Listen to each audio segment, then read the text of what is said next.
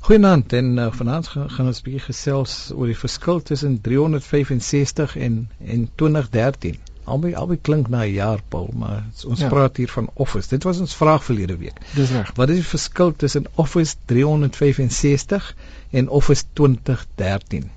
Hulle word anders gespel anders gespel. Ja, dis 2013, 2013 is nie 'n skrikkeljaar nie, so daar is 3 365 dae in 'n jaar. So. Ja, so dis reg. Hm. Ehm um, nee, daar's darem 'n bietjie meer agter dit as net die die hoeveelheid dae of die jaar. Ehm die ek dink die groot verskil is Office 2013 is dan die tafelrekenaar weergawe of die desktop um, weergawe terwyl Office 365 is 'n subskripsie weergawe is van dieselfde um, produk. Ons ons sien nou al hoe meer mos hoe um, al hoe meer produkte begin nou hulle noem dit mos in die cloud en gaan Adie het nou 'n mooi woord hierso die internet wolkdiens. Ek hou nogal daarvan. Ek, hmm. ek weet nie of dit die offisiële naam is nie, maar um, ek stem saam met Adie dit klink vir my wat werk. Ja, dit is nou. ja, dit is nou die offisiële dis RSG se se naam vir die internet wolkdiens. Nou ehm um, die Office 365 het dan nou 'n subskripsie weergawe wat dan nou geïntegreer is met SkyDrive. Ja, dis ook 'n oulike naam, né? Die hmm. SkyDrive in die wolke. Ja, is in die wolke. Nou dis nou 'n uh, Microsoft se internetwolkdiens en dit stoor dan nou dokumente en dan in die nuwe Office bevat dan nou nog steeds Word, Excel, Outlook, PowerPoint, OneNote, alles waarna ons gewoond is in in Microsoft Office en dit integreer dan nou met SkyDrive uh, en dit werk dan op jou rekenaars, jou tablet rekenaars uh, met Windows um, sowel as uh, slimfone jy kan eh, ek weet nie of mense domfone ook kry nie maar dit werk definitief saam. En dit werk definitief saam met die slimfone nou uh, die uh, verstek opsie um, om dokumente te stoor is dan ook op die SkyDrive en dis natuurlik ook deesdae die die nuwe inding né? Baie min mense al kom ons stel dit so al hoe meer mense begin dokumente dan nou op die um, internet stoor behalwe nou vir besighede wat nou hoogs um, vertroulike dokumente vertroulike dokumente het ja. Ehm um, sodat mense kan toegang kry pretty much enige plek waar jy is en nou uh, solank mense gekonnekteer is op die internet en in deesdae is dit maar die inding. Ek wil dit maak nie saak. Ek was nou nog hierdie jaar nie op veel plekke gewees waar jy was waar daar nie regtig internet toegang was nie. Party plekke gaan jy na toe wat nog steeds verskriklik stadig is, maar oor die algemeen, oor die algemeen is daar daarom oral um, internet toegang. Ehm um, ja, sê ek moet vir sê uh, eergister het ek gaan tot sien sien 'n paar vriende wat uh, saam met 'n uh, uh, minister van ons land na India toe is mm -hmm. om te kan om te gaan kyk hoe hulle in die platteland breëband gebruik ja. om mense op te lei en en selfs boere gebruik dit daar in Swan. Mm. En hulle wat hier toepas, so soos jy sê Paul is oral beskikbaar. Ja, nee, dit is dit is letterlik oral. Ehm um, en is baie snaaks um, dit het nou die dag met my gebeur byvoorbeeld wat ehm um, gaan nou nie gesê wie die verskaffer is nie, maar hulle het heeltemal aflyn gegaan en skielik was daar net geen data beskikbaar nie. En dan kom ons net skielik dis dis soos as mens met 'n mikrogolf in jou huis het, skielik weet jy nie hoe jy sonder dit klaar gekom het nie. Dis dieselfde met data of met internet wat nou net oral beskikbaar is. Jy's net so gewoond aan as dit skielik nie daar is nie, sit van oogits, wat nou? Ehm um, en, en mens kan 100% sonder dit oor die weg kom en dit is nogal 'n dis nogal 'n skielike aanpassing. Nou jy kan natuurlik kies om die dokumente nog steeds plaaslik te stoor. So jy hoef dit nie op die op die SkyDrive te stoor nie. En dan sinkronisasie van jou dokumente vind dan outomaties plaas en 'n mens kan natuurlik dokumente deel of share ook dan nou met ander. En ek sou dink dat dit kom dan ook saam met 'n pakkie ruimte in die wolke. Ja.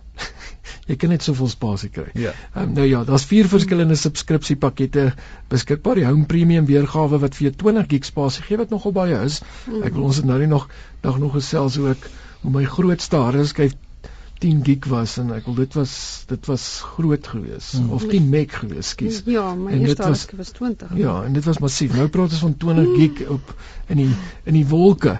Ehm um, en uh, nou ja, al die programme um, in jou Home Premium pakket vereis dat 'n mens dan nou moet aanteken met jou Windows Live gebruikersnaam en wagwoord en die webweergawe van die program beskik nie oor al die kenmerke nie. Ek dink is nogal dit dit maak seker logies sin.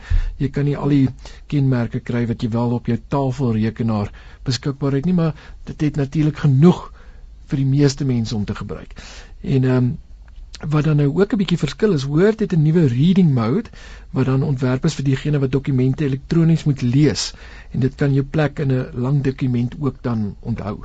Nou dit klink eenvoudig of jy klik dan nou net eenvoudig klink.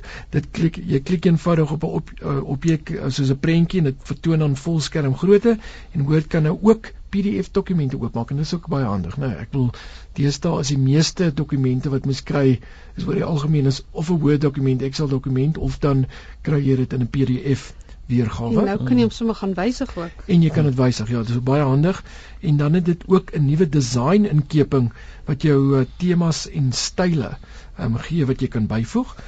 En dan in Excel is daar nuwe 'n nuwe recommendation opsie opsie wat vir jou dan 'n voorgestelde byvoorbeeld 'n um, grafiese vertoon van data kan gee. So jy as jy nie jy kan die data kies en dan kan jy vir hom sê recommend. Gee vir my 'n voorstel hoe moet ek hierdie data vertoon en hy gaan kyk na die data en wat maak die mees logiesste sin um, van dit is nou natuurlik van 'n rekenaar se se logika af. Ehm um, en maar oor die algemeen met uh, rekenaar se logika is daarom redelik goed ingebou.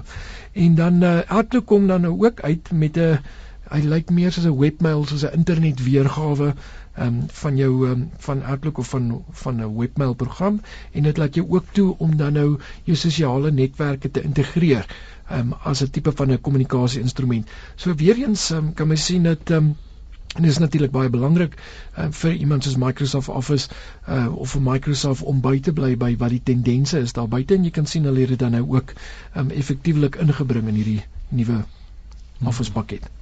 So Aris gewoonlik jy seker gaan kyk of daar webwerwe is nê nee, waar mense oor hierdie verskille tussen Office 365 ja. en Office 2013 kan kyk. Ja, nou ek het so drie webwerwe hier, maar hulle is almal het sulke lang syfertjies en goedjies in, so dit gaan bietjie moeilik wees um, om dit maar kom ek sê ehm um, daar's byvoorbeeld 'n uh, www.itproportal.com en dan wat volg en dan het ek ook van pcmac.com af um, artikels wat jy in detail so, jy kan al hierdie detail kry by ons webwerf by www.rsg.co.za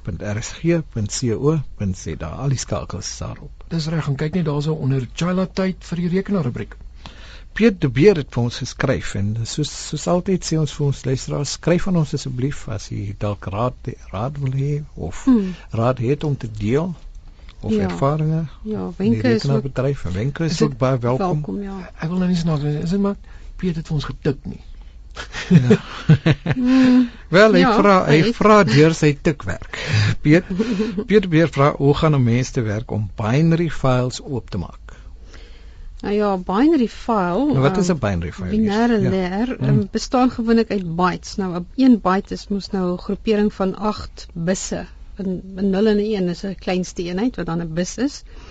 En um, baie keer in binêre leers is daar inligting in wat nie vertoon kan word regtig as teks nie. Hmm. Ehm um, so 'n mens gaan nie noodwendig altyd 'n binêre leer wil oopmaak nie. So maar gewoonlik het dit 'n punt bin agtervoegsel, maar dit kan ook 'n beeld lê, 'n image file van 'n CD of 'n of 'n program wat op 'n DVD was. So um partykeer as dit net nie wil oopmaak nie, dan sal miskien 'n leer weg. Daar's 'n punt CUE file wat baie keer net weg is en dan kan dit nie die dan dan wil mense dit oopmaak maar hulle kry dit nie oopgemaak nie omdat daar iets anders fout is. Maar as jy nou wel um, uh, dit regkry om oop te maak, dan gaan jy seker net 0 en ja. en 1 sien. Ja. Uh nee, jy gaan tog as hy kyk jy kry 'n programmetjie, kry 'n programmetjie met 'n binary viewer. Mhm. -huh. Nou hy gaan vir jou die inhoud kan vertoon in kyk in hexadesimaal, oktaal, desimaal en in teksformaat. So hy gee vir jou uh -huh. eintlik alles en dan gaan jy wel die teks kan sien in die teksgedeelte. Dit is uh, spesifiek vir ons kon sê hoekom hy binary viewer hierdie binêre leer wil oopmaak nie. Ja, kyk ja. jou, die registry is ook 'n mm. binêre leer. Mm. Jy het 'n ja. spesiale program nodig om dit oop te maak. Mm. Ja. Maar dis nie goed vir jy mee gaan wil gaan Peter nie, nee. Nee, die nee. gewone gebruiker nie, nee. nee. Goed. Wel, laat weet ons Peter en dankie vir die vraag. En Aria wenk van die week.